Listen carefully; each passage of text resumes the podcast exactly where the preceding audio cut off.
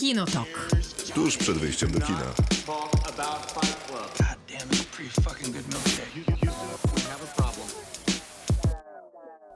Krzysztof Majewski. Miłosława Bożek. Maciej Stasierski. I działa ci mikrofon, co za radość. Macie pytanie pierwsze od razu do ciebie jest takie. Jak idzie ci z Supernatural? Poproszę następne pytanie. To będzie następna odpowiedź. To jest y, audycja Kinotok, która jest też podcastem. Program zawsze w poniedziałek o 22. Podcast zawsze we wtorek o którejś godzinie, tak jak się Tak wyrobimy. E, Ale zawsze we wtorek, to y, proszę się tego trzymać. E, No macie, no bez żartów. Obejrzałeś jeden odcinek? Jeden, tak. A jeden? A, dru- a, a dwa? Jeszcze nie. No dobrze. A pierwsze wrażenia? No wspaniały jest to serial, oczywiście. Ja nie mówię, nie mówię, nie mówię tutaj z przekąsem, naprawdę. W zeszłym tygodniu były nasze urodziny. Jestem przekonany, że jesteś w stanie złożyć dwa zdania na temat pierwszego odcinku Supernatural. No, był on dziwnym odcinkiem. Takim, e, to jest bardzo, bardzo stary jednak serial, widać to już e, jakby w sposobie pokazywania wszystkiego. Te postaci są takie szybko wrzucone w fabułę. Ale dobrze się to oglądało. Poza tym trwa 45 minut i tak szybko przeleciało, więc myślę, że spoko zupełnie. To zostało ci jeszcze 15 Tylko 16 sezonów. tysięcy odcinków, tak. Plus minus. A pytam Macieja o Supernatural, dlatego że zobowiązał się do obejrzenia wszystkich 15 sezonów serialu, który właśnie się zakończył do naszych... Tak, i to w zeszłym tygodniu Tak, chyba, tak, nie? tak, Tak, Mm. wielkim finałem. z... Oj, na pewno był wielki. Jeżeli takie było otwarcie, to znaczy, że finał też musiał być wielki. Tam w okolicach piątego sezonu dzieje się już wszystko, jeżeli chodzi o takie symboliczne kwestie. Więc Maciej zobowiązał się do obejrzenia całości Supernatural do naszych następnych urodzin, czyli zostało mu 51 tygodni. E, Zaczyna to wyglądać tak, że będzie miał jeden Oddykam. Więcej niż jeden odcinek dziennie do zrobienia. E, Dzisiaj zajmiemy się nie Supernatural, ale też e, serialem, który parę sezonów będzie miał i parę już ma. Nazywa się The Crown. Czwarty sezon czeka na Netflixie dla tych, którzy jeszcze go nie ruszyli. To my się za niego zabieramy, obejrzeliśmy i recenzować będziemy. Później Życie przed sobą, czyli Sofia Loren powraca po długiej przerwie na ekran. Chciałoby się powiedzieć wielki, ale wielkie ekrany zamknięte. I to też produkcja Netflixa, więc oni chyba byli od razu, z, no chyba jeżeli chodzi o ten film, ukierunkowani na mniejsze ekrany. Tak, akurat chyba ten film też miał iść tylko na mały ekran. A będziemy kończyli filmem Vivarium, który nie bardzo wiadomo, czy w ogóle miał trafić na polskie ekrany, chociaż wydaje mi się, że były takie informacje o tym, że ten film jest planowany dla polskich kin. Tak czy inaczej, wydarzyło się co wydarzyło, więc y, film akurat pojawił się w zasadzie na każdym. Na każdym. Wszędzie można go zobaczyć.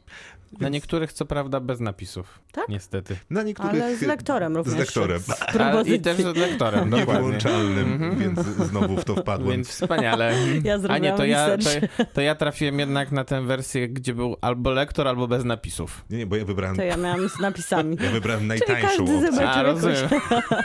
Czy jeszcze SD. Więc za, tak, oczywiście. Zaoszczędziłem tam ze 3,50. Tak jest. Ale I po- Ale wygrałeś dostałeś w życie za gratisie, to. w bonusie dostałeś lektora. Tak, dostałem lektora. Y, Fatalny biznes, nie polecam. To zapraszamy serdecznie. Kinotok. Film. W robocie, czyli cykl cotygodniowy, w którym pytamy o jakiś motyw z filmu, serialu albo ze sceny, który wam się w tych filmach, serialach, scenach e, podoba. E, W piątek dajemy temat na naszych mediach społecznościowych, e, czyli na Facebooku, na Kinotok Podcast. Tak nas należy szukać, a w poniedziałek analizujemy sytuację i dorzucamy też swoje odpowiedzi.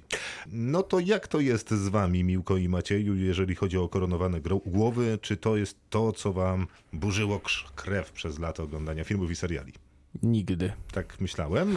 E, Miłka? No z tymi serialami chyba jest troszeczkę lepiej niż e, z Tak? filmami, wydaje mi się. A, to ja tylko z filmów szukałem i tak nie mogłem znaleźć nic praktycznie. Znaczy, A znalazłem w końcu. Nie no, sporo jest tych Ale- Elżbiet, ale... To przecież ty Znaczy, poza, Disneya. wszystkie królowe powinna grać Judy Dench. No To jest wiadomo. jakby oczywista, oczywista teza. Druga, albo ewentualnie drugą połowę mogłaby grać Helen Mirren. Mm, już trochę mniej. Znaczy wiadomo, że Judy Dench wygrywa zawsze. A Koniec, Olivia, kropka, kropka. Szukałem- Olivia czekałem na Colman, puentę jakąś. Nie, że Olivia to- to jest- Colman myślę, że nawet jest lep, najlepszą królową. Olivia. Colman teraz ma już dwie królowe na Tak, koncie, to więc też sporo. też... Ja osobiście uważam, że w drugim sezonie Fleabag też jest królową. No to Wrednoty. wiadomo, że jest. Towarzyską. Mm. Miłka?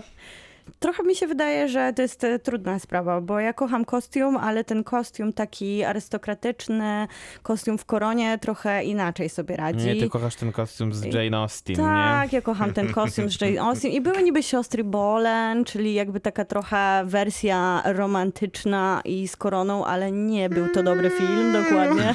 Jest Nie. po 22, daj spokój. Nie, A więc... to było, a to nie, to nie A, był co, dobry Ale film. też nie, nie, niezłe aktorstwo przecież nam serwował. Nie, nie, Wydawało właśnie się, że nie. będzie spoko. W sensie Natalie nie Portman było. jeszcze tak powiedzmy, ale Scarlett Johansson Scarlett też. Johansson już tak nie za No bardzo. bo ten film był nieudany po prostu. Mieliśmy młodą Był. Wiktorię, gdzie też niby miało być trochę romansu, ale jakoś ta korona mnie po prostu nie Kto pociąga. grał młodą Był w Emily Blunt. Emily Blunt, no Mhm. właśnie.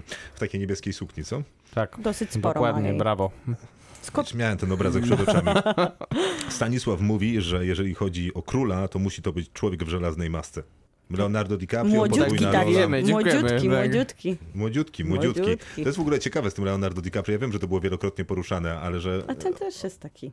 on gra w tym człowieku w żelaznej masce i jest młody, później Długie włosy gra w. Titaniku i jest młody, a później pojawia się krwawy diament i Jest nagle stary. jest stary, jest zupełnie innym facetem. Jakby przeszedł sześć operacji plastycznych i Mhm. Nie, miał ale on 10 już- lat. On już, jest, on już się zestarzał chyba gdzieś przy awiatorze.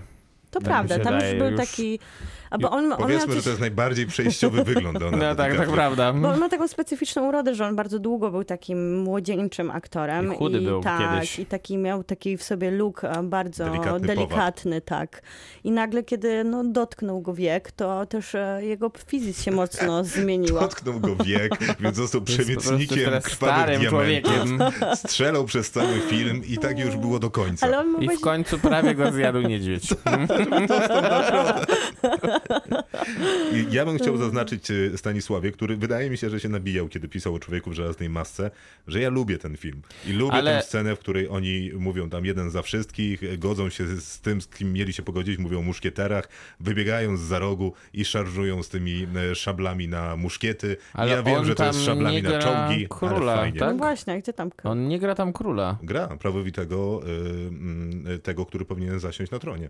Tak? No i dlatego ma żelazną maskę, żeby nikt się nie A. dowiedział, że, To ja coś, To chyba, jego- Rewolucję przeprowadza. że to jego brat bliźniak y, jest tym drugim. to ja coś chyba nie ogarnąłem w tym filmie. To był skomplikowany, musiał być film bardzo. Po prostu nie zrozumiałeś, stąd te jęki. Mm. Y, Tylko mówi, który mówi zawsze, kiedy pytamy, ale też zaznaczam, że koniecznie musi podać imię, no bo ileż można. Aragorn z w... i... Dobra, bo napisał Aragorn i z, a więc wybieram z. Aragorn z Władcy Pierścieni, jeszcze Denethor, wprawdzie tylko namiestnik, tu chodzi o namiestnika Gondoru, ale idealny przykład ojca, który nie faworyzuje dzieci. Judy Dench jako królowa Elżbieta w zakochanym Szekspirze. Pojawia się Judy Dench, y, Wiadomo, argumentacja jest niepotrzebna. Ale tam chyba gdzieś jeszcze się pojawia Judy Dench jako królowa Wiktoria w Mrs. Brown. Jest to Tak, możliwe. pojawia się w komentarzach. I na koniec jeszcze najlepszy król Artur w wydaniu y, Pythonów ze Świętego Grala. Nawet to, to na pewno racja. To wiadomo. Wiadomo. Wiadomo. Ale też niezły był w Królu Arturze Legendzie Miecza, filmie, którego nikt nie lubi, a ja go bardzo lubię. Gaja? Ricciego. O, ja lubię ten film też. Super film. Ja, ja, nie przepadam, to prawda. Ale tam gra go Charlie, Hunnam. Dokładnie. I całkiem niezły jest. Gra Jest- tam też tak. David Beckham, Jest to jest dobry. mój najlepszy, to jest najlepszy cameo ostatnich 10 lat. Jak ktoś nie wie, gdzie jest David Beckham, bramkarz, nie, to nie jest bramkarz. Nie, jest, to był jest- pomocnik. Ach, piłka nożna, to nie jest Widern. w każdym razie nieważne, jest tam, proszę poszukać. Mm, Marek mówi tak, Król Lew, dziękuję, wygrałem. I to nie tylko jeden głos był taki Oj chyba. nie, więc Ale zdaje się, Mustafa też się pojawił chyba. Nie Mustafa, tylko Mufasa. że... Mufasa, Mufasa. No ale to Król Lew, no on też był Królem Lwem. No tak, tylko że który królew jest bardziej Simba. majestatyczny? Simba? Czy... Nie, no Mufasa, wiadomo. No wiadomo, właśnie Jak o to chodzi. Bez dwóch, nawet skaz jest bardziej majestatyczny niż... A, też prawda. No niestety, to prawda. Lorenzo, moim królem na zawsze pozostanie Simba. A, No to się nie zgadzamy. Ale e, ciekawe jakby spytać, e, czy, czy może jednak Mufasa bardziej. No tylko, No, ale że... napisał, że na... No ale napisał, że Simba No bo, jednak. bo jak myślisz o królu lwie, to myślisz o Simbie jednak No w a ja- kontekście królewskim. Ale Mm, Mufasa to taki jednak majestatyczny jest e, taki- król. Ale 6, Dojrzały. minut na ekranie, nie chcę spoilerować, No, ale wiemy jak to ale się s- skończyło. No ale to były solidne 6 minut. No tak, dobra. już- oj, Mm. Pamiętasz całe życie. Lorenzo dodaje jeszcze, że to ja może podam jednego z najgorszych y, króli, chociaż wydaje się, że powinno być królów, posługując się cytatem decyzja, że Bran zostanie królem Westeros jest Pięknie. porównywalna do tego, jakby premierem Anglii została Wikipedia. No to Brawo jest- za to. Czy, czy, z kogo to jest cytat? Nie mam pojęcia. Nie, bo tak się zastanawiałem, z kogo to jest cytat. Bardzo dobry cytat, nie Bardzo. ukrywajmy. Bardzo udany. Może z filmu webu na przykład. Ja mimo, że Może nie oglądałem... komentarz być No może do tak. aktualnych politycznych Ja mimo, że oglądałem chyba z dwa odcinki Gry o Tron, to uważam, że królową powinna zostać jednak Cersei Lannister. I tyle. To jest moja ocena. To dlatego, że obejrzałeś tylko dwa odcinki. Prawdopodobnie tak. Gwarantuję ci, że dlatego. Marcin pisze, że faworyta i to jest oczywiste, Naj, najwspanialszy wybór. Najwspanialsza królowa chyba że... ostatnich lat na Chyba, że pewno. to... dru- Aha, okej. E, Monika mówi, że to powinna być Katarzyna. Nie, Wielka, tak się nazywał serial. Ale Katarzyna z, Wielka z serialu Wielka, którą grała Elfening. Tak. Tak, i jeszcze był, pa, był jeszcze cesarz, Był. którego Całkiem też grał niezły. Nicholas Hult, też wyśmienicie. Jak To on to mówił, prawda. ten swój zakrzyk. Huza! No i dziękuję już. Musimy jakieś szkło zaraz. Monika Jaworska, która w tym radiu prowadzi poranek, mówi, że Elvis Presley. Dla tych, którzy znają Monikę, to zaskoczeń i zdziwienia tu na pewno żadnego nie ma. A w jakim filmie Elvis Presley grał, było, po, był postacią filmu On jest, on jest kinową? królem po prostu. Znaczy wiadomo, że jest królem, tak jak pytanie o Michael króla, Jackson. Jest pytanie o króla, jest odpowiedź. A, no dobrze, to... mhm. Ale jeżeli chcesz ostatnio... Nie, nie, nie Elvisa będę Presley- deliberował na ten No. temat, dobrze. Ja, ja też nie. To skoro dzisiaj The Crown, to ja podam, to pisze, to pisze Michał chyba. E, To skoro dzisiaj The Crown, to ja podam moje kobiece top 3. Judy Dench jako królowa Wiktoria, No jej proszę. wysokość pani Brown. Oczywiście. Wspaniale. No oczywiście, że tak. Olivia Colman jako królowa Anna w faworycie. Mhm. Oczywiście. No oczywiście. Lena Headey jako No, no i Cersei widzisz? Lannister. No widzisz. No i się zgadza. A chciałem tylko powiedzieć jeszcze, że Lena Headey em, grała jeszcze jedną królową. Grała królową Gorgo w 300 i była to też bardzo niedoceniona rola. To prawda, to, To prawda. prawda. Tylko, że miała tam cie- ciemne włosy, w sensie tak, czarne. dokładnie. Tak, tak. Mhm. No w sumie była Była Spartanką. zdecydowanie lepsza niż, e, niż Richard Butler. Nie, Richard, e, jak on się nazywa? Sp- s- mm, Gerard Butler, Gerard przepraszam. Butler, o tak, właśnie. tak, tak. Przepraszam, przepraszam za Richarda. Pa- Paulina. E, po, po pierwsze, Sharpay z High School Musical jako najlepsza drama queen. Liczy się, prawda? Tytuł jest y, tytuł, tak mówi Paulina. Więc ja nie wiem, bo nie wiem wcale, czy jest najlepszą drama queen, Ja nie wiem, ponieważ o czym nigdy mowa. nie widziałem High School No, że- Musical. Że drama queen się liczy, Ale a to że jest jeżeli jest czy królowa, kobieta? to jest już królowa. Sharpay? Tak. Sharpay? E, Pay raczej. Nie wiem. Dzisiaj Miłka, jest widziałeś program- High School Musical? Dzisiaj, no widziałam, Tak, ale dzisiaj nie jest jestem program ten, Tak, pełen na, memów. Dobrze, nie, dobrze. Będziemy Na kontynuować. wymianę. Nie, nie, ale e, a ktoś wie? Bo ja nie wiem, naprawdę. Sprawdźmy to. Paulina wie, więc jej wierzę. Po drugie, Nandor z serialu Co robimy w ukryciu? Jest No i wspaniale. jest postacią tak strasznie od czapy, że aż rozczula. Momenty, kiedy wspomina dawne czasy, kiedy był władcą, tnącym głowy i to, że w zasadzie nie zauważa, że te czasy minęły cudowne. Wspaniały jest też odcinek, w którym ma załamanie, bo dociera do niego, że nie ma ojczyzny. Jest to jak najbardziej kobieta. Sharpay. Tak. A co robimy w ukryciu? Przypominam, że istnieje też film, więc jeżeli ktoś nie ma ochoty na cały serial, to może Który najpierw się wspaniały. zmierzyć e, z O filmem. tak, to jest jeden film, jeden chyba z filmów, jedyny film um, Już, Lubisz? Taiki Waititiego, który mm, jestem w stanie przełknąć. Bo to serial. Wspaniały. Nie, nie, film, A, co okej. robimy w ukryciu. Kinotok. Film. W robocie część druga, czyli ta część, w której my opowiadamy o filmach, które dla nas e, są istotne z uwagi na dany motyw. Tym motywem Będziemy opowiadać teraz o królach i królowych chyba. Tak, dokładnie. Przepraszam. A co, co Maciek było? chciał dodać swoje przerwałem. od siebie. Nie, bo ja bardziej się skupiłem Chciałeś na postaciach tak? niż na filmach. To źle?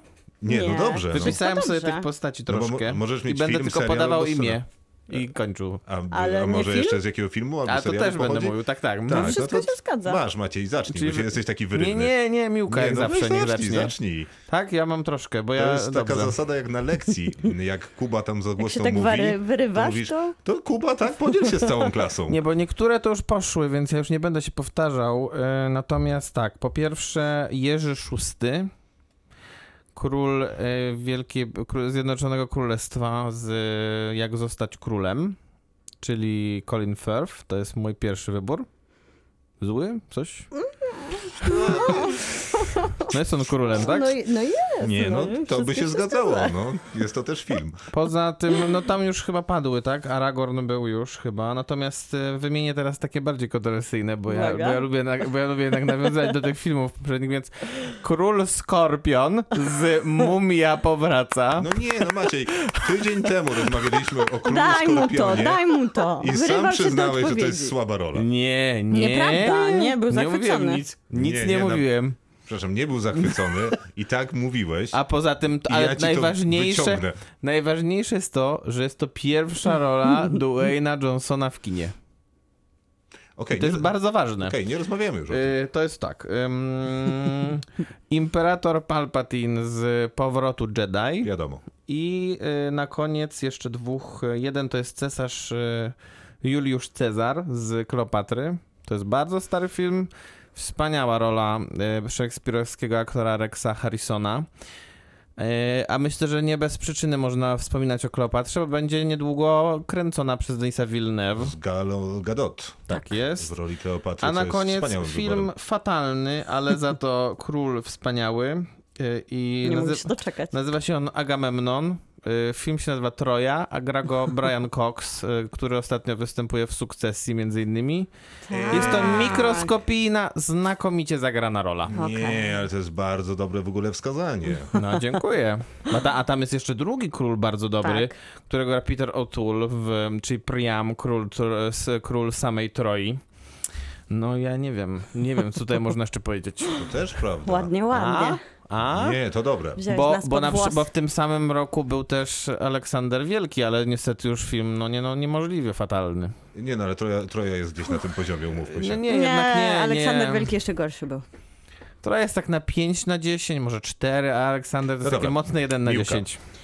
No dobra, ale tam wymieniłeś, że nie tylko chciałeś królów i królowe, ale też chciałeś hrabianki, faworyty, czy tylko królów i królowe zostajemy Koronowane tym? growy, głowy. No Głowy, dobra, to ja głowy. Tak jak wiem, Imperator wiadomo, Palpatine. Tak, wiadomo, że. Gra o Tron już była, ale wydaje mi się, że w ogóle to jest jedna z najlepszych produkcji, która pokazuje walkę też o koronę i to jest wielka, ulgo, ogromna saga na 8 sezonów. Ta korona może nie kończy najlepiej, jak już dzisiaj cytat e, sam pokazał, ale sama walka o władzę i by być ukoronowanym, no nie można wspomnieć jednej z piękniejszych produkcji, jakoś się tak składa, że o królach i królowych. I która królowa lub król była najlepsza? Wiesz co, ja mam ich wszystkich wymienionych, są wszyscy super i najgorsi zarazem, w sensie... Aha. To, jakby- Wziąłeś wszystkich, którzy mieli jakiekolwiek prawo do y, tego Iron Throne, Nie no, oczywiście, że- tronu i teraz ich wymienisz? Nie, nie wymienię ich. Wspomnę o cało, całości jako, Jak jako nie taka... wymienisz kogoś, to będzie, to No. będzie taki hejs. Zcio- że- z- Zcięcie głowy będzie. No nie, Nie, no nie daj będę spokój, no musisz wymieniać. wymienić kogoś. Wymień trzech na ulubionych. Nie mam tam ulubionych. No dobra, Nie, na jak Nie masz początku... ulubionych, ty jesteś ludzką istotą, no każdy A ty przecież... masz? Na, no oczywiście, To że mam. wymień To dwóch. jest moja odpowiedź w, te, w, te, w Aha, tej no zabawie. dobrze. No dobrze, to można powiedzieć, że na początku bardzo, e, bardzo, bardzo lubiłam Daenerys, która oczywiście w tej transformacji, którą przechodzi przez e, część sezonów, zmienia w moich oczach się troszeczkę, ale ten sam początek e, i jej wejście w ogóle do całej historii, to jak musiała walczyć o to, żeby w ogóle z perspektywy kobiety, która została sprzedana, która trafiła do zupełnie obcego tribu, która nagle stała się matką smoków. Plemienie, Plemienia, plemienia, plemienia, była fascynującą postacią, no, którą na pewno też trzeba powiedzieć, że David Benioff i Weiss zepsuli troszeczkę z perspektywy pisania Troszeczkę. e, tych swoich osobnych sezonów. Ja nie znam bez- Grotron, ale Tak, ale wiem, Maciek że zepsuli dzisiaj- troszeczkę. Maciek dzisiaj jest, Dlatego e, mówiłem, że Cersei Lannister jest jedyną królową. Bardzo lubię Cersei Lannister jako właśnie taką ba- bardzo w kontraście kobietę, która... No te silne kobiety tam są bardzo ciekawe, zwłaszcza jeżeli jest matką Ale takiego... poczekaj, ale to kiedy twoim zdaniem y, ona została ze- zepsuta w cudzysłowie? Mówię, ostatnie dwa sezony, w których już była A, pisana dwa z, sezony, no, przez rozumiem. samych e, producentów, a nie przez Eren Martina, troszkę za bardzo była przyjaskrawiona jej no, różne cechy charakteru. No ale które- w tych pierwszych sezonach też mi się też nie Przypomnę, podobała że jako postać. wysadzała budynki smokiem. Dziękujemy specjalisto od Gry o Tron. Dziękujemy. No dobra, czyli to, ta odpowiedź Ale zgaduje, tak. że masz coś jeszcze. Mam Królowę Margot. E, To jest jeden z moich ulubionych w ogóle filmów, który zrobił jak byłam młodsza, bo to 94 go oglądałam wtedy. Ogromne na mnie wrażenie, gdzie Izabel Adjani gra Izabel E, Adjiani. Dziękuję. Młodą Małgorzatę, królową Margot właśnie. Jest to 26 lat temu, to kawał czasu. No, no. kawał czasu, tak. Jest to wspaniała francuska, hi- taka, taka wielka saga opowiadająca o tej krwawej rzezi, która się odbyła. No właśnie na weselu młodej e, królowej Margot. I jest to też przy okazji taki epicki romans. Ona jest przepiękna, ale też jest tam strasznie dużo takich brutalnych scen, które właśnie pokazują walkę o władzę, ale nie tylko tych krwawych, które się rozgrywają na ulicach, ale tych wcześniej, które pokazują, jak dwór to nie było takie cudowne miejsce, na którym ludzie się przechadzali w swoim bogactwie korata- korytarzami, a raczej jednak to było no, takie środowisko paskudne od e, tego, co się dzieje tam przez różne seksualne zwyrodnialstwo na poziomie też rodzinnym i między arystokracją. Jest to naprawdę wspaniały obraz e, rodziny królewskiej, zwłaszcza w, wydaje mi się wtedy w takiej konfrontacji do tego, co Hollywood nam sprzedawał. Do takiego patosu, do takiej elegancji. Tutaj nagle dostaliśmy takie, no wiwisekcję tego w taki sposób, który właśnie trochę robi faworyta, która robi grę o tron, a jednak jest to stare kino. No i dalej dzisiaj sobie odświeżałam trochę, bo mam, tak się składa na DVD jeszcze ten film i jest to wspaniałe doświadczenie. do odtwarzacza. Tak, właśnie to zrobiłam. Więc bardzo, bardzo kocham tą królową właśnie i ca cała ta uchoronowana tam szla, cała rodzina królewska jest wspaniale zagrana, więc bardzo, bardzo jest to wspaniały film. Ja bardzo długo się zastanawiałem, może nie aż tak bardzo długo, ale długo się zastanawiałem i pomagałem sobie nawet int- internetem, żeby Ja znaleźć... nadzieję- No, Ja mam nadzieję, że wymienisz film, który zostawiłam niewymieniony, bo ty go wymienisz. To jest wielka tutaj odpowiedzialność, na Krzysztof, że kończysz. Okej, to może się nie wydarzyć w takim wypadku, bo ten mój przydługi wstęp prowadzi do tego, że ja w gruncie rzeczy, jak sobie udowodniłem wczoraj i przedwczoraj, jestem dosyć zawiedziony tym, jak portretuje się monarchów, tych najważniejszych, bo z reguły portretuje się ich trochę tak, jak być może społeczeństwo na nich patrzyło w takiej większej masie i nie ta arystokracja, która była gdzieś Czyli na daleka. dworze. Czyli no właśnie, że tam gdzieś ta jaśniejąca gwiazda sobie istnieje i to było w zasadzie tyle. No i to było dosyć przykre, bo bym chciał trochę takich brudów monarchów, ale takich, wiecie, skrajnych, nie? No bo to jednak ludzie byli, więc pewnie jakieś skrajności na pewno historycy Królowa też już Margot to właśnie daje. powyjmowali. Tak. No, no, no, właśnie, to jest jakiś tam niezły przykład, ale zupełnie o nim nie pomyślałem. E, Ale przypomniał mi się Xerxes z 300, który wydaje mi się bardzo ciekawą postacią. W sensie taką bardzo drugoplanową i w zasadzie jest takim głównym przeciwnikiem i pojawia się tam na 4,5 minuty, głównie po to, żeby wybatorzyć ocean, E, ale jest fajnie zrobiony. To zabrzmiało wspaniale. Bardzo ładne Nie, on to naprawdę Bardzo robił, nie? sugestywne. Że Ze złości, że zepsuł mu statki. No wszystko prawda. E, jakaś tam. E, e, więc jest bardzo fajnie zbudowaną postacią, w sensie świetnie wygląda i wydaje mi się, że to Głównie wszystko... wygląda. Ale to wszystko, co się o nim mówi, kiedy go nie ma na ekranie i co Mhm. buduje jego mit, jest jakby ciekawym w ogóle pomysłem na budowanie postaci, więc jest całkiem fajne. E, Był to oczywiście Imperator Palpatine u mnie też, e, na zawsze najstra- na- najstraszniejszy z wrogów, E, ale gdybym miał wybierać taką postać, która jest chociaż szara, a nie jednoznacznie zła w tych układach, e, to wybrałbym Diana Rigg, czyli Olenę Tyrell z e, gry o Tron. To jest e, rodzina Tyrellów, to była ta, skąd mm, pochodziła żona Joffreya, chyba wszyscy rozumieją. Nawet to- ja chyba. tak mi się wydaje. No to jest absolutnie fantastyczna, przefenomenalna aktorka, ale przede wszystkim ta... Ale to jest babcia. Tak, tak, to jest babcia, babcia. babcia. No, no. Kiedyś dziewczyna Bonda zresztą. Jakaś, Tak, e, ona nie, miała nie, przepraszam. Kiedyś krwawa żona róża? Bonda. A, to Jedyna prawda, żona. to prawda. krwawa róża? Ona miała jakiś taki swój pseudonim. A możliwe, że miała jakiś taki pseudonim, nie wiem, nie pamiętam, ale y, aktorka znakomita i jakby wszystko potrafi dowieść. Tam jest taka bardzo dobra rozmowa pomiędzy Jamiem Lannisterem a nią w powiedzmy ostatnich e, jej godzinach. E, Naprawdę bardzo ładnie rozpisane, zresztą wszystkie jej rozmowy z jej e, właśnie wnuczką, czy w ogóle, czy chociażby z Cersei Lannister rozmowy, to jest bardzo dobre, bo ja bardzo lubię takie charaktery y, y, u kobiet, zwłaszcza starszych, w sensie, że one się pojawiają, ten taki ząb i y, pazur wymieszany z doświadczeniem. Naprawdę bardzo dobra mieszanka, bardzo Zmarła dobra rola. niestety niedawno. Niestety aktorka. tak. Mhm. Krzysztof, wiesz na co liczyłam? Nie. Że to będzie Joaquin Phoenix i Commodus. Który A jest nie, właśnie... no nie, Nie, ale on Który- był na zdjęciu, To więc to było zbyt oczywiste. No ale to jest też, e, nie dość, że kochasz Gladiatora, to jest wspaniale, też taka jednak No, obleśna rola. rola. Nie, nie, to Nie, nie, pięk, nie pięknego cesarza. To jak najbardziej. Nie, to już wtedy cudowny. powinna być Oscarowa rola Joaquina Phoenixa. To prawda, Nie, nie, to jest. wszystko się zgadza, Miłka, i oczywiście masz 100% racji, a jedyny powód, dla którego tego nie zrobiłem Po jest... sobie sam odjęłeś dając zdjęcie. Nie, bo chciałem sobie zapewnić, że to będzie mój wybór, dlatego dałem go na zdjęcie promujący post. E, To było w robocie, jeżeli chodzi o królewskie głowy, to na tyle. Za moment będziemy zajmować się kolejnymi królewskimi głowami, ale już w ramach serialu, czyli The Crown sezon czwarty.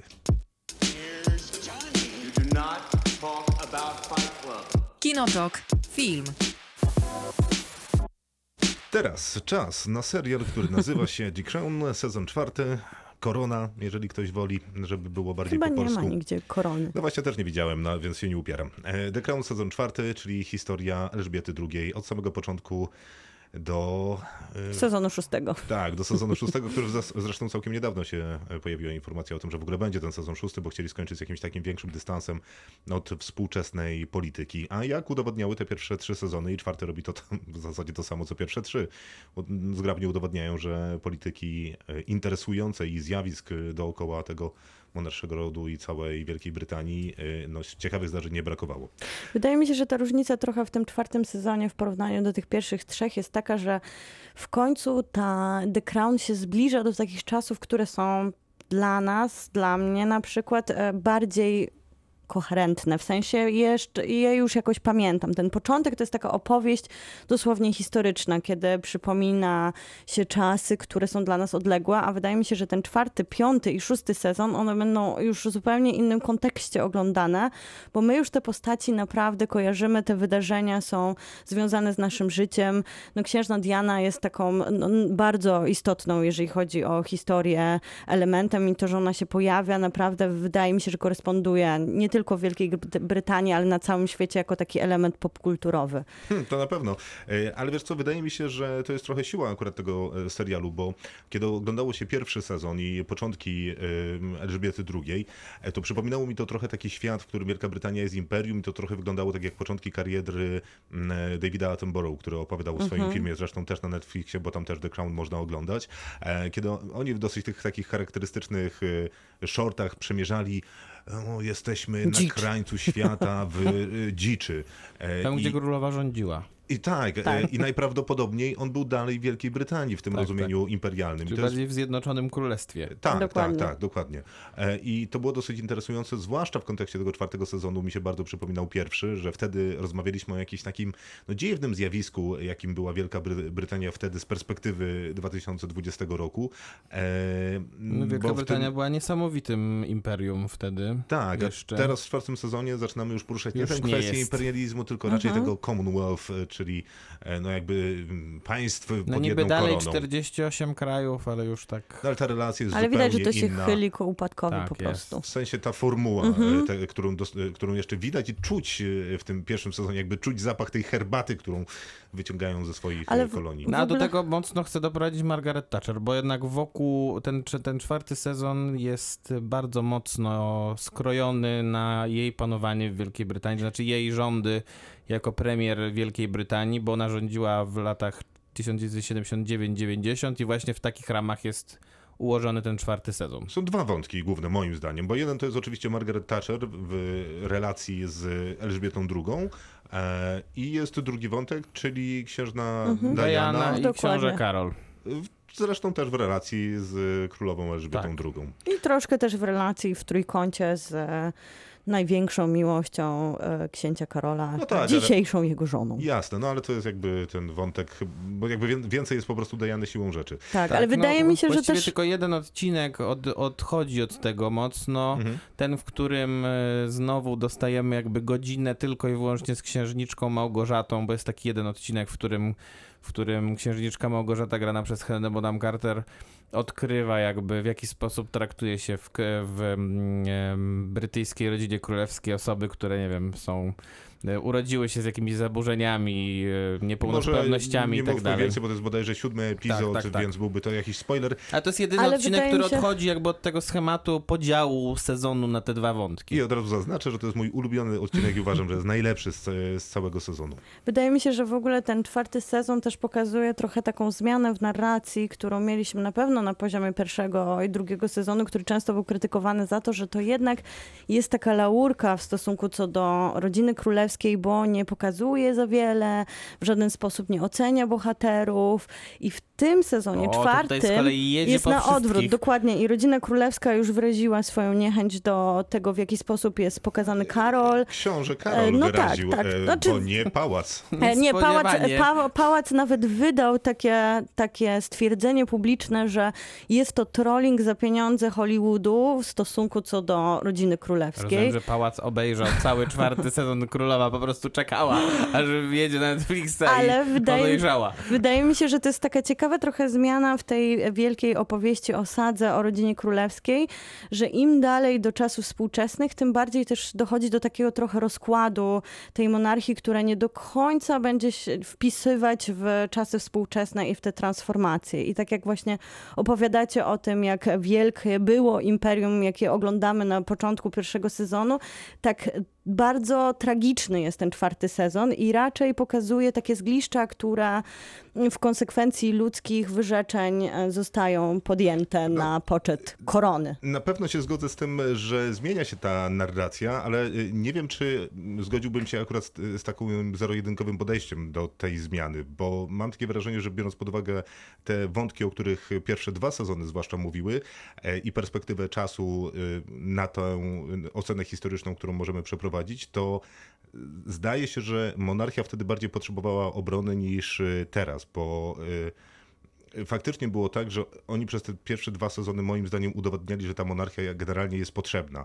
No ale na przykład mąż Elżbiety II wtedy zapraszał e, e, filmowców do e, pałacu po to, żeby udowodnili społeczeństwu, że oni nie mogą tak mało pieniędzy dostawać na swoją działalność i życie, e, ponieważ oni tak naprawdę wykonują ciężką pracę. Ten film był absolutną porażką i ludzie, którzy go zobaczyli, tylko utwierdzili się w przekonaniu o tym, że nic nie robią i jest to absolutnie zbędne.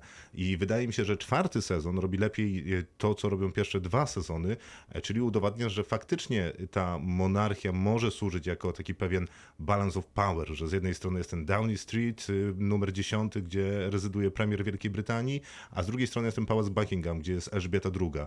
E, I zdaje się, że czwarty sezon pokazuje najwyraźniej, że e, premier może podejmować e, mylną decyzję, a monarcha, mimo że nie powinien tego robić, zawsze murem stać za premierem, to może jednak być takim ciężarkiem na drugiej stronie Tylko, że z drugiej strony to może najbardziej odbierać wiarygodności akurat temu czwartemu sezonowi, bo wydaje mi się, że tak po prostu nie było. W To jest, sensie- to jest, ten, W sensie, tak, to jest e, nawet premier to Wielkiej. Bry- pre- premier Wielkiej Brytanii po prostu prowadzi politykę tego państwa, a królowa e, praktycznie na te, w tych sprawach się nie wypowiada. I tutaj to, jak bardzo mocno stara się postawić jednak e, na swoim w niektórych sytuacjach Elżbieta II grana przez Oliwię Colman, to to chyba jest najmniej wiarygodne w tym. Natomiast z drugiej strony zdecydowanie moim zdaniem najbardziej wiarygodny jest sposób przedstawienia księcia Karola jako takiego absolutnie nieakceptowalnego dla mnie emocjonalnie i mm, jakiegoś takiego zakompleksionego bubka, że tak powiem. Poczekaj, to spróbujmy dokończyć ten wątek Dobrze. z tym podziałem Mhm. politycznym, a za moment będziemy rozmawiać już o a, Ja tylko- aktorach i ich nowych wersjach, bo zdaje się, że y, to, co mówisz, y, mówiłeś wcześniej, że to odbiera autentyczność, to być może prawda, że twórcy trochę przesadzili z tym y, jakby napędzaczem fabularnym, który Tak. był ciekawy, żeby... Fikcją. Ale Tak. dobrze, zro- Fikcją dobrze to w zrobiło, historycznej dobrze to opowieści. zrobiło dla serialu. No na Ba- pewno. bardzo dobrze, bo to też jest jeden z lepszych odcinków. Tak, ten odcinek, odcinek, w którym rywalizuje ze sobą Tak. królowa, z, to jest mój z kolei ulubiony odcinek. Rzeczywiście te pojedynki słowne e, pomiędzy Olivią Colman a Gillian Anderson są naprawdę na wspaniałym poziomie No aktorskim. właśnie, a też jakby historyczna waga tego, o czym one rozmawiają, czyli właśnie o tym, że cały Commonwealth, 48 krajów mówi o tym, że należy podjąć sankcje przeciwko RPA. e, Mhm. RPA e, finansowe w związku z rasizmem, który tam przyjmował no, tam- ekstremalne... No tam był ekstremalny rasizm wymiar. właściwie mm, systemowy. Tak, tak, no oczywiście. Mhm.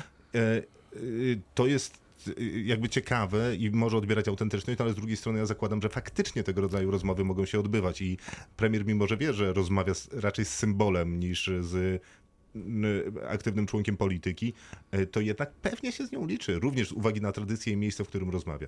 Właśnie to niesamowicie jest imponujące, jak płynnie tutaj ten serial potrafi połączyć z jednej strony taką mocno historyczny fundament, czyli opowiada nam historię, którą możemy spokojnie odnieść do rzeczywistości.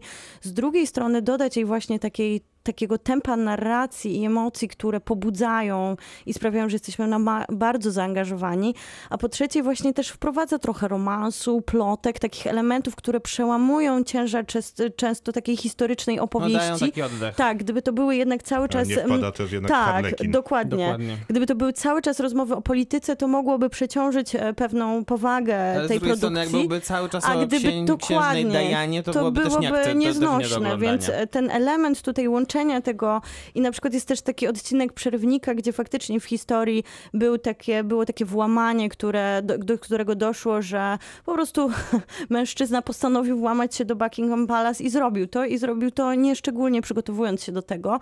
I to wszedł. też, tak, po prostu wszedł. I to też jest taki odcinek, który pojawia się gdzieś w połowie, który zupełnie przełamuje tempo, dodaje trochę innej perspektywy i to właśnie tej ludzkiej perspektywy, której często tak brak w opowieści o arystokracji, więc to jest perfekcyjnie napisany scenariusz, żeby nieść to 10 odcinków, to jest całkiem sporo.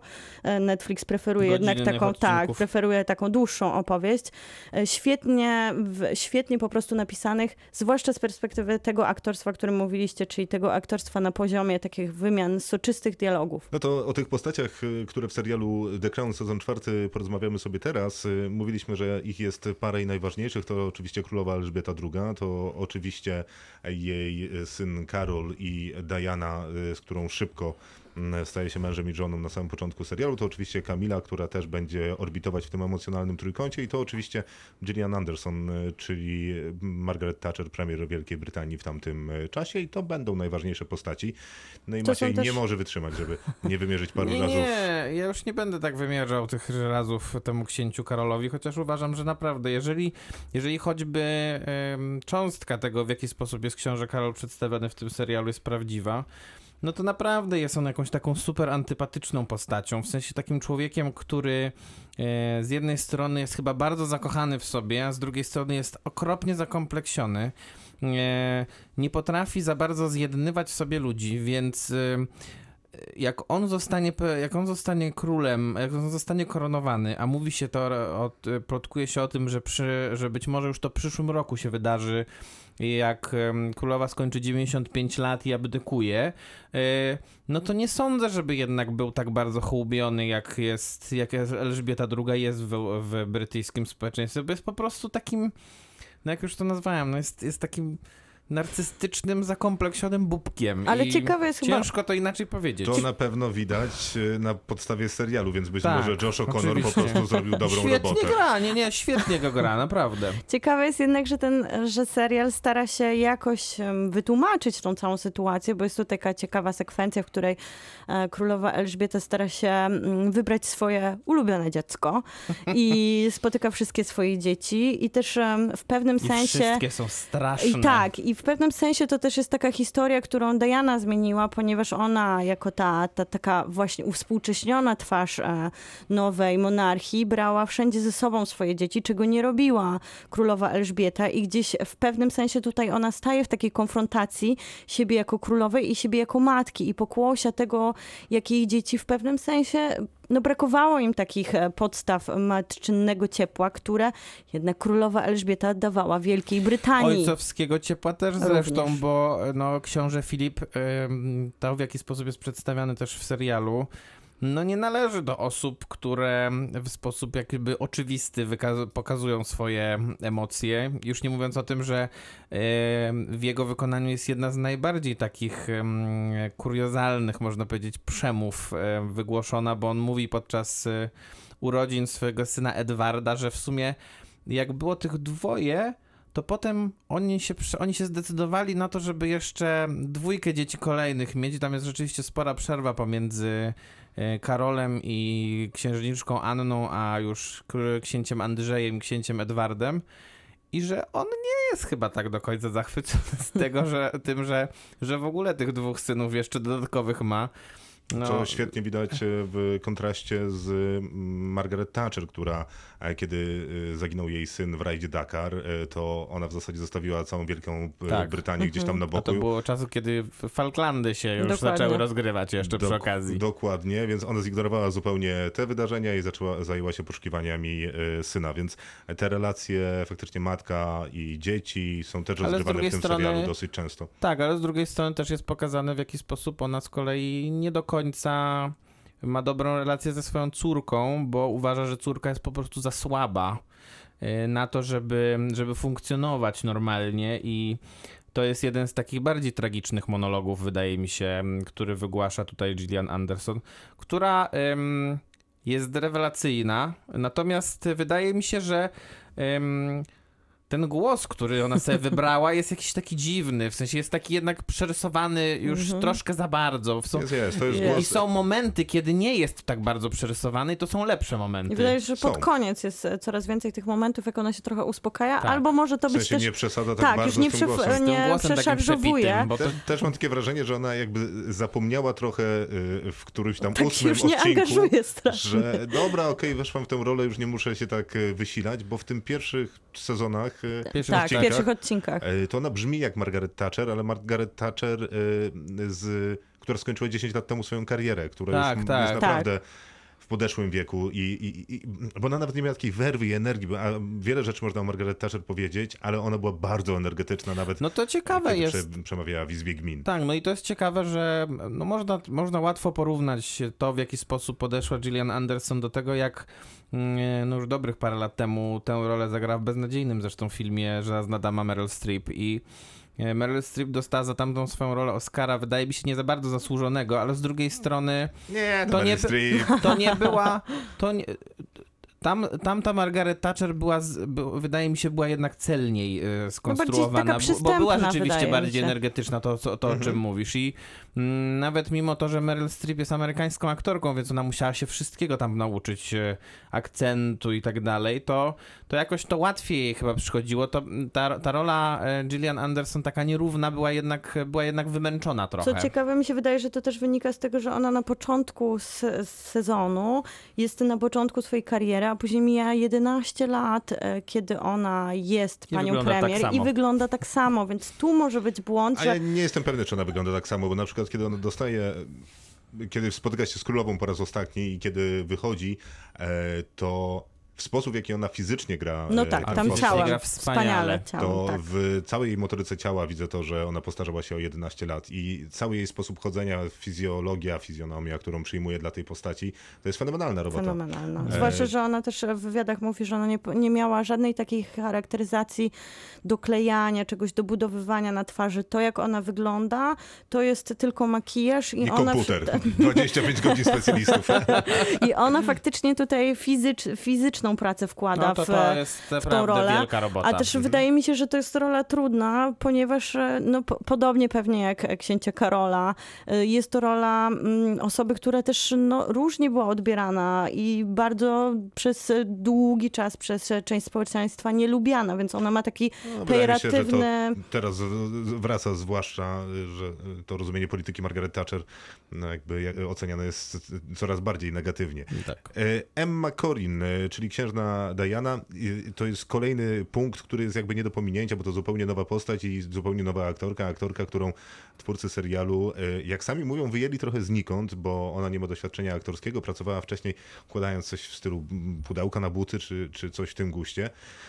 Więc w zasadzie nie jest aktorką, tylko naturszczykiem i to jest mój problem. W sensie ja nie lubię naturszczyków e, w produkcjach, e, zwłaszcza tak profesjonalnych jak The Crown. To jest jeden z najdroższych seriali e, świata. To widać w zasadzie w, ka- Widać w każdej bardzo. To scenie, w jest każdym ujęciu. korona Netflixa. Nie, no Tak, to, Perła. wygląda, tak, to perła w naprawdę, to naprawdę Perła w wygląda jakby oni wybudowali pałac Tak. Buckingham. To jest Dokładnie coś tak to wygląda. jest Albo jakby mówili we wtorek rano, że Elżbieto, sorry, No dokładnie, mamy to z kamerami. musimy pograć troszeczkę. Dokładnie. No więc wiesz, raz, dwa, chop, chop. E, Emma Corrin zupełnie nie, nie- nie przekonuje mnie jako e, Diana i nie przekonuje mnie ten wątek niestety, bo to jest głównie, główny problem polega na tym, że ja nie rozumiem, dlaczego o księżnej Dianie mówiło się Queen of Hearts, czy tam królowa serc, e, królowa ludzi, e, bo niespecjalnie interesowałem się monarchią brytyjską jakoś bardziej niż ktokolwiek, mam jakąś ogólną wiedzę, a po tym serialu nadal nie wiem, co w niej było takiego, co ludzi do niej ciągnęło. A jednocześnie jej brakuje czegoś takiego, jak na przykład rozmawialiśmy o Gabicie Królowej, tak a propos Królowych. E, Anna Taylor-Joy ma coś takiego, co mają gwiazdy filmowe, że ona jest na tym ekranie i cię przyciąga do ekranu. Emma Corrin jest naturszczykiem i wydaje mi się, że taką sobie, znaczy zdolną y, aktorką z przyszłością, ale nie w tym serialu, tego nie pokazuje jeszcze, że, że jest już taką pełnoprawną aktorką, a na pewno nie ma tego magnetyzmu, który no, jest należny gwiazdom filmowym, jaką bez wątpienia jest Anna Taylor-Joy. Myślę, że jakby co do, tej, co do tego pierwszego zarzutu, to to jest pokazane w tym serialu, myślę, w jednym momencie, mianowicie podczas tej podróży po Australii. Mhm, jasne. I to, e, to tam mnie, to, to mnie przekonało w tym, w tym zakresie, bo ten cały odcinek dotyczący tej podróży po Australii jest też znakomity. Mm, I tam, tam, też, tam też się ujawniają z kolei te mm, wszystkie narcyzmy e, księcia Karola i jego, jego okropne... Maciek- Maciek, Maciek nie Maciek musiał, nie- musiał, Nie ocenia musiał co jednak dobre, przypomnieć. gorzej, Musiał przypomnieć. Natomiast y, no to jest rzeczywiście problem. Wydaje mi się, że to jest generalnie problem z tą postacią, bo ona, ona jest otoczona taką legendą, No że właśnie. ciężko było chyba em, dogodzić trochę. I jak, z drugiej strony Znaczy To- sprytne to- jest to, że na przykład pomijają ślub, nie? To mi się podobało bardzo. to nie jest błąd, wydaje mi się, obsadzenie kogoś nieznanego w tej roli, dlatego że jakby obsadzono gwiazdę, tak jak będzie w piątym sezonie, bo w piątym sezonie Diana Ale- Spencer będzie tak. grała Elizabeth Debicki i to już będzie ciężko, wydaje mi się, mm, w pewnym sensie odróżnić, jakby wyabstrahować aktorkę od postaci. A tutaj można po prostu uznać, że jest postać na ekranie, która, która się nazywa Diana Spencer i ona jakby się rodzi na ekranie jako zupełnie nowa osoba i Bardzo To- ładnie powiedziane i Ale- myślę, że taka była intencja twórców. Problem polega na tym, że to nie działa. Ja mam, ja mam takie wrażenie, oglądając, e, na początku faktycznie ta Diana nie przekonywała mnie, ale wydaje mi się, że też Znaczy, taki zabieg był... jest to wspaniały Tak, No nie, zabieg. Ale że doskonała. zabieg był też dla, taki, dlatego że ona była bardzo młodą dziewczyną, wręcz nastolatką, która trafiła od razu na głębokie wody arystokracji rodziny królewskiej. I jak się ogląda tą młodziutką Dianę, to ona była bardzo nieśmiała i z jednej strony miała tą siłę, którą... I w tych e, momentach tak, była i ona. I ona jest przekonana, w sensie e, Emma Corrin mnie przekonuje właśnie nie tym hollywoodzkim blichtrem, tylko tą nieśmiałością, którą faktycznie wierzę, że miała Diana, która od razu stała się tą księżniczką i trochę chciała, ale później to wszystko jednak wyglądało głowę. Inaczej. I ten odcinek faktycznie, ja się z Maćkiem zgadzam, w którym trochę jest tak, że ludzie nie kochali ją, bo ona zrobiła coś bardzo charakterystycznego. Nie, bo to- Oni ją kochali tylko- jako symbol i tylko, ona się trochę- pojawia jako Ja ten rozumiem, symboliczny... dlaczego Elżbietę II jako Tylko, symbol że to trochę też kochać, nie jest ten czas, bo wydaje mi się, że ten, film, ten serial się kończy na 91 roku. Diana Spencer żyła jeszcze, żyła jeszcze kolejnych 6 lat, aż do momentu jej e, tragicznej śmierci w Paryżu. Y, I w tym czasie, kiedy rozpadało się jej małżeństwo z księciem Karolem, ona dopiero chyba stawała się rzeczywiście taką legendą, została poznana jako rzeczywiście taka e, osoba, która angażuje się w sprawy humanitarne. Tutaj jest trochę zapowiedź tego, jak ona Tak. jedzie na trasę do Ameryki tak, i gdzieś dokładnie. to będzie ja to ta zapowiedź. rozumiem, ale nadal uważam, że Anna Taylor-Joy nie jest jakby osobą, w której nie można, e, w której nie może narodzić się Diana Spencer. I Oczywiście. Wydaje mi się, że Elizabeth Debicki, jeżeli dobrze poprowadzi tę rolę, Myślę, że będzie. to ją tak, zapamiętamy. tak. A nie Najważniejsza Emmę jest Corrin. i tak... e, Inna sprawa, że bardzo urośnie, bo Em- Emma Corrin jest Tak. dosyć drobna, a Elizabeth Debicki jest wysoka. Najważniejsza i tak jest Olivia Colman. Y, Która jest serialu. absolutną królową i dziękuję, Dokładnie. oceniamy. Miłka? To- A ja chciałam tylko wspomnieć, że. Słowo podsumowania i ocena? Tylko do Olivii Colman, że e, co dwa sezony zmienia się królowa, ale Olivia Colman jest tak wspaniałą królową, że jednak ekipa trochę myśli, czy nie przedłużyć jej angażu To na jest piąty sezon. jedyny słuszny wybór. Y, Ile punktów Miłka na 10? Mm, To jest 9 na 10. Y, 9 Maciej. na 10 Y, też. A ja 8 na 10 to była Królowa sezon czwarty, czeka na Netflixie. Kinotok. Film. Życie przed sobą, e, które możemy oglądać na Netflixie. Teraz e, za ten film się zabierzemy z ważnych rzeczy na podstawie powieści. Tytuł Życie przed sobą. Łatwo zapamiętać. W roli głównej Sofia Loren, która w tym momencie ma 86 lat, 10 lat temu ostatnio występowała, gra Madame Rose, czyli osobę, która przeżyła Holokaust, y, przyjmuje pod swój dach 12-letniego Momo. Dobrze nam to jest powiedziane, bo generalnie nie ogarnąłem tego, mówiąc szczerze, przez większość filmu. No ale tam jest co najmniej ze dwie sceny, które jasno o tym y, mówią. Y, Momo ją okrada, ma 12 lat i tego młodego człowieka gra Ibrahim Gouye.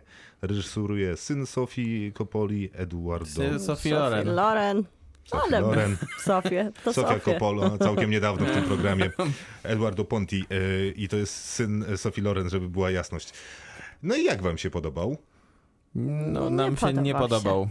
A, Nie No. podobał się. No to przykre. Mm, Ale dużo się, dużo się mówi e, o Sophie Loren w kontekście Oscarowym teraz, że to miałby być e, Oscar. To było dosyć ciekawe, bo ona dostała Oscara lat temu, Jezu, ile? Ze 40? Nie, nie, raczej z 60.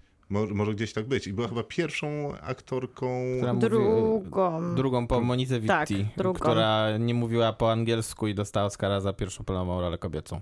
Tak jest, e, więc jakby zdecydowana królowa, tak chyba nawet napisałeś w zapowiedzi europejskiego kina i co do tego wątpliwości mieć nie można, chociaż przez ostatnie 10 lat, jak patrzyłem na jej ostatnie role, to chyba jakieś głosowe w, w animacjach to, to było to, czym No się ostatnia zajmowała. taka większa jej rola to chyba w Nine Roba Marszala Tak, tak, w filmie taka- fatalnym. Pełnoprawna rola to na pewno.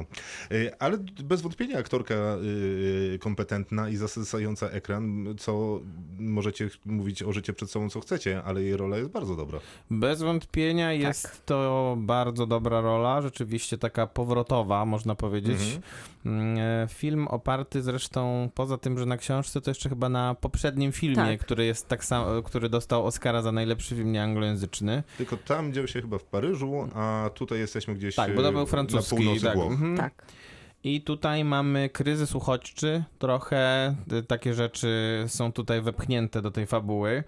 Yy, A Sofia Loren gra byłą prostytutkę, chyba tak można Tak. to powiedzieć, yy, która otwiera jakby taki, otwiera swój dom dla dzieci, które są w jakiś sposób pokrzywdzone przez los. Chyba najczęściej to są dzieci porzucone Przez przez inne matki. prostytutki też niekiedy. Ale często te matki powracają, tak, i powracają te matki, i ona trochę jest jak taki dom przejściowy, który czeka, w którym te dzieci mogą poczekać, aż e, te matki po nie wrócą. No więc No, w przeciwieństwie do. Momo, który, który tak naprawdę on już nigdy nie, jego matka już nigdy nie wróci. On jest dzieckiem, które dramatycznie straciło rodzi, rodzinę, no matkę w tym wypadku i on też jest takim w kontekście tych dzieci, które u niej są zbuntowanym młodym człowiekiem, bo te dzieci, które są u niej pod opieką, tam jest wytworzona jakaś taka podstawowa więź e, czułości, a tutaj dochodzi do takiego no dosyć e, przewidywalnego konfliktu pomiędzy nową opiekunką a jej nowym wychowankiem. I jakby cały film tak, tak, jest na kanwie w takiej transformacji tej relacji z walki do czułości. I tak jak mówisz, ta choroba, która się pojawia też w tym nastolatku, buduje taką odpowiedzialność za, za bohaterkę, którą gra Sofia Loren. Są w tym filmie zdecydowane elementy, które mi się podobają, bo jakby są filmy, które są na podstawie książek, e, literatury tak jakby szeroko pojętej e, i mają taki element literacki w sobie. I zawsze jest mi go ciężko określić, ale zawsze jest łatwy do rozpoznania. W sensie widać, że tę historię wymyślił literat, a nie filmowiec. Y, I, i, i, i, trudno mi scharakteryzować, na czym to polega, ale niektóre filmy po prostu mają du, duszę literatury w sobie i ten film trochę ją ma. I być może chociażby przez to, że główna bohaterka grana właśnie przez Sophie Loren, czyli Madame Rose, e, schodzi do tej piwnicy i ma tę taką e, swoją tajemnicę połączoną razem z chorobą, połączoną razem z tym chłopcem, który wziął się trochę znikąd, e, a w niej się budzi jakieś uczucie do niego i, i, i jego do niej. A z drugiej strony ma w sobie coś takiego, czego strasznie nie lubię w kinie, czyli taką wymuszoną, jakby uroczą łzawość, który jakby stara mi się udowodnić, że on jest taki jak mały szczeniaczek i należy go kochać, bo ten film ma każdą dobrą intencję e, i to jest ciepły film i jak go skończę oglądać, to będzie mi lżej na sercu i świat już nie będzie taki mroczny i pandemiczny i wszystko będzie lepiej. I tego też strasznie nie lubię. I ten film ma obie te cechy, ale obawiam się, że ta druga przeważa i to jest No. jakby jakiś spory problem. Znaczy, dla mnie, to, dla mnie jednak większym problemem jest to, że nawet ta cecha, o której mówisz, to ona jest taka mało wiarygodna, bo y, to wszystko jednak y, przynajmniej po mnie bardzo spłynęło. Ta relacja jest też tak poprowadzona w sposób taki mechaniczny. Trochę bardziej widać ją po stronie Sophie Loren, dlatego że ona widać, że jest po prostu prawdziwą aktorką, która, która też dostała rolę wreszcie taką na miarę swojego talentu. E, A z drugiej strony ona nie ma za bardzo kompanów e, w, żadnej, w żadnej osobie na tym ekranie, bo ona po prostu zjada swoją obecnością ten ekran. I, e, I to może być walor filmu, ale w tym zakresie to raczej jest słabość tego filmu, bo ona koncentruje całą uwagę i przez to ym, żaden inny element nie jest dobrze w tym filmie poprowadzony, I bo dla- nie ma żadnej relacji, nie ma żadnego takiego właśnie mm, poczucia jakiegoś takiego oddechu na sercu. Nic za bardzo w tym filmie nie ma, co mogłoby przyciągać uwagę poza nią. I dlatego ja mam zupełnie na odwrót, on w ogóle mi się literacko nie kojarzy, bo wydaje mi się, że ma taki bardzo lekko narysowany scenariusz, który jest przewidywalny od początku, bo my wiemy już chyba w pierwszych minutach, jak ta historia się skończy, że ten konflikt się skończy pojednaniem, że ta relacja się zamieni w przywiązanie. Ja w ogóle też nie widzę tego momentu przejścia Oj, tego konfliktu do tego zbudowanej więzi. Ja w ogóle nie widzę tej więzi też e, pomiędzy bohaterem i faktycznie się No zgadzam jest z Maćkiem, że on- powiedzieli nam, że jest więź. tak, bardziej, bardziej. wszystko jest takie wytłoczone w punkt do punktu, tak wręcz e, wydaje mi się, że był napisany ten scenariusz w 10 punktach, które gdyby nie Sofia Lo- Loren, e, Loren, to pewnie by się nawet nie zrealizowały na tej, e, na, w tej opowieści, więc ja mam tutaj bardzo duży problem emocjonalnie zaangażować się w historię, która od razu na wejściu mi mówi, że będzie bardzo emocjonalna. Będzie, ale mówić to i mówić i przez to i przez to czujesz Zobowiąz- fałsz od tak, razu. i czuję się No może. zobowiązana do tych emocji, To, to jest to, których co, nie co czuję. ja nazywam y, tym, że historia trochę się do mnie przymila, bo przymila się też formalnie, jakby używając chociażby sposobu, y, w jaki ten film jest skręcony i jaka gra w nim y, muzyka. Jak, a ta muzyka jest Oczywiście. tak pomyślana, Mhm. że kontrapunktuje to, co się dzieje na ekranie. Jak jest coś takiego moralnie wątpliwego, to gra taka fajna muzyka, która mówi, że okej, no ale to tylko jest takie młodzieńcze i, i, i miłe i sympatyczne. Natomiast to, co mówisz o Sophie Loren, że ona zasysa ekran i jakby nie daje trochę szansy na jej, na partnerowanie jej w żaden sposób, to to jest oczywiście prawda, ale z drugiej strony, kiedy ten młody Ibrahim Gouye gdzieś tam przemierza miasto, czyli na przykład kiedy dostaje swoją pierwszą pracę, ale nie tę u tego faceta, gdzie naprawia dywan, tylko tę drugą pracę, żeby nie spoilerować jakoś specjalnie. I, i coś mu się tam udaje i dostaje pierwszą wypłatę, kiedy on y, tańczy i się cieszy. I kiedy generalnie jest sam na ekranie, to moim zdaniem on też zasysa ekran. W sensie jest w nim dużo takiej młodzieńczej werwy, nieskrępowania, trochę kompletnego niezrozumienia świata, co też być może zwalnia go z odpowiedzialności za myślenie. y, Ja No, mam z ale- tymi ale scenami taki problem. jednak te No wątki. właśnie, one Nie, są wątki- jak przeklejone z innych filmów. W sensie wszystko Ja to się rozumiem. wydaje strasznie powtarzalne, że o, to jest chłopiec, który właśnie trafił na ulicę, to on teraz zatańczy. I, jakby No nie, no, ale ja jest rozumiem, to. dlaczego on tańczy. No zwykle właśnie filmy ci pokazały, że w takich momentach trzeba zatańczyć w konfrontacji. W sensie, że W wydaje sensie mi jest, się to jest takie bardzo. 11-latkiem, który, któremu się coś udało, a przez całe życie mu się Tylko nie e, jest to nie autentyczne, nie- jest to nie- wręcz. No, e, w jaki sposób jest nieautentyczny? No, nikt go nie doceniał przez całe życie, wreszcie mu się coś udało, ktoś go docenił, klepnął w plecy, więc słucha muzyki i tańczy. No, ja nie No ale na poziomie nie- emocji to jest jednak odhaczenie em, O, kolejnego punktu. Jest, bo faktycznie to się nie składa w jakąś tam y, historię emocji jako takiej, no ale wydaje mi się, że y, jakby no, w szczególe jest to bardzo sympatyczna scena i wydaje mi się, że ten chłopiec jest, y, ma zdecydowany potencjał. Y, y, I to jest jedna scena, druga, przy której zresztą też tańczy, kiedy spotyka się z tym samym swoim drugim szefem, jest całkiem fajna. I też nawet mi się podoba ta relacja z tym teraz sklepikarzem, wcześniej człowiekiem, który zajmował się dy- dywanami. No szkoda, że nie jest poświęconej tej relacji więcej czasu też, bo być może byłoby w niej je- jednak więcej autentyzmu, bo z kolei ten sklepikarz chyba ma też więcej potencjału, do, ma, jakiś, ma, jakiś, ma jakiś warsztat do zaoferowania, aktorski nawet ten człowiek. Mhm.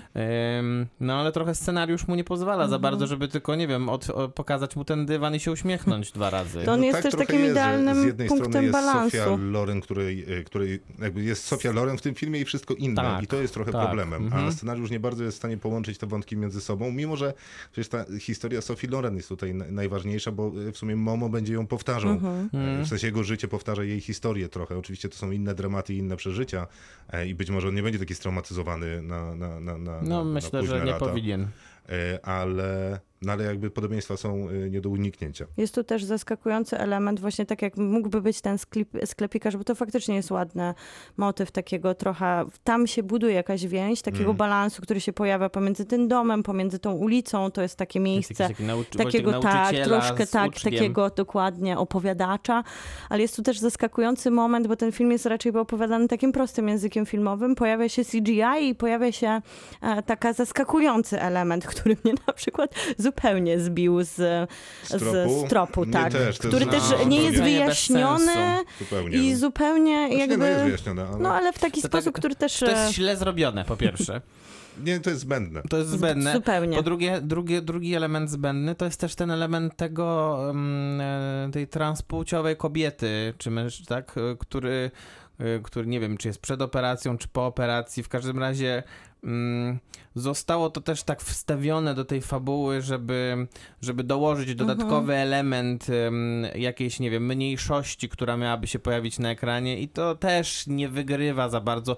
Jakby można byłoby, można byłoby zupełnie, norm, zupełnie inaczej poprowadzić te relacje i pewnie byłyby jakieś jeszcze emocje, a tak to jest jakaś taka postać, która nie jest w żaden sposób dopracowana. Ona się tylko pojawia i znika, i pojawia i znika z ekranu. No właśnie poza... A, poza... mi, mi zupełnie nie, nie, nie, w sensie nie, nie widzę tego problemu. W sensie wiem, że ja z reguły e, widzę ten problem, ale, no właśnie. ale tu zupełnie nie. No Ale bo, te postacie w ogóle co za różnica? tak tutaj trafiają, Nie. bo jest ten sklepikarz, jest ta, ta Jakby przyjaciółka jest- domu i jest ten jeszcze jego, ten człowiek, który go zatrudnia poza sklepem. Myślisz, I on że, też jest myślisz, taki że przypadkowo jest taka postać właśnie wprowadzona? W sensie nieprzypadkowo jest taka postać wprowadzona? Bo ten film sugeruje jednak, że ona powinna mieć jakiś cel w tej fabule, a tak naprawdę w żaden sposób ten cel nie jest ujawniony i ona pojawia się i znika i nic się nie dzieje. No gdzieś tam napędza chyba trochę tę relację tego, tego Momo i, i, i, i e, Madame Rose. No chyba miała napędzać, podobnie jak ten No nie, sklepikarz, no tam podobnie wiele jak rzeczy, ten, Wiele rzeczy jest Miało niedopisane. ten człowiek nie- z miasta i właśnie No, ale, oni... tak, ale tak oni- samo by było, gdyby nie to nie tego była tempa e, osoba emocjonalnego. trans, tylko mm, jakakolwiek inna. No pewnie tak, ale to z jakiegoś powodu jest ta osoba trans. To można byłoby, je- jeżeli jest osoba trans, to można byłoby z kolei w jakiś sposób jeszcze skorzystać z tego, że jest to osoba trans. To nie skorzystano z tego w żaden sposób, tylko wprowadzono ją po prostu w taki mechaniczny sposób, tak jak jest wprowadzonych w, tych, w tym filmie parę postaci, które są mechanicznie po prostu wprowadzone i znikają z ekranu. No no, tylko że, no ja nie wiem, no, ja w tym głównie widzę wadę e, scenariuszową. Jest to scenariuszowa wada, Na oczywiście. pewno. E, to- Reżyserska zresztą też, no bo widać, że widać, że pan reżyser em, Eduardo Ponti nie jest jakimś artystą narracji, tylko raczej... Sophie Loren, No, jakby no. przypominam. No tak. Nie, nie Sofii Kopoli. E, e, e, będziemy oceniać. Będziemy nisko oceniać. Ja 6 na 10. Wow. Mnie nawet, nawet ta taka ciepła atmosfera nawet mnie wzięła. Ja 4 na 10. Ja też cztery. No Ale to... dzisiaj zgodnie jesteśmy. No, Szok? Co tu się wydarzyło? E, to teraz nie będziemy pewnie. Zaraz wiwarium.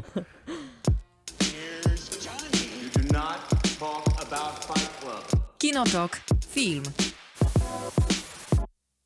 Czas na drugą filmową recenzję dzisiejszego wieczoru i dzisiejszego podcastu, bo jakby ktoś słuchał podcastu, to nie będzie wieczór. Ha. E, będziemy No roz... może No być może wieczór. być, jak wybierze. Nie no, ale nie musi. E, będziemy rozmawiać o Vivarium. E, to opowieść o młodej parze. Imogen Potts, e, g- Imogen Putz gra Gemmę, a Jess, Brawo. Jesse Eisenberg gra Toma. Ona pracuje w przedszkolu, on jako ogrodnik. Marzą o domu, trafiają na najdziwniejszego pośrednika na świecie, który zabiera ich na osiedle Yonder i zaczyna się... E, tak się nazywa. Ja wiem, ale w kontekście polskiego wiem. opisu brzmi śmiesznie. Ja rozumiem, jak to brzmi. E, I w zasadzie zaczyna się taki Truman Show, bo oni z tego osiedla wydostać się nie mogą, tyle że nie wiedzą, że to Truman Show, czyli w zasadzie jak to w Truman Show. No tylko są elementy troszkę nadprzyrodzone, bo pojawia się też... że bardziej horrorowe E, jednak. tak, że to jest e, jednak taki miszmasz gatunkowy, hybryda gatunkowa, ulubione Piękne słowo słowo. 2020 2020 roku.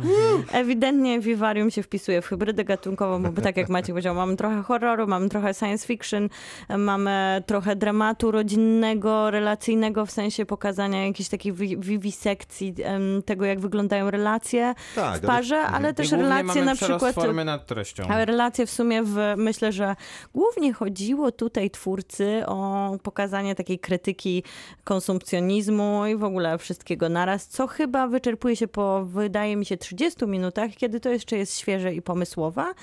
No i ale później mamy jeszcze godzinę filmu przed To sobą. być może jest dlatego, tak jak mówisz i ty, i ty mówiąc przerost formy nad treścią, że oryginalnie Vivarium jest 16-minutowym No i to filmem by z się 2011 roku, który nazywa się Foxes.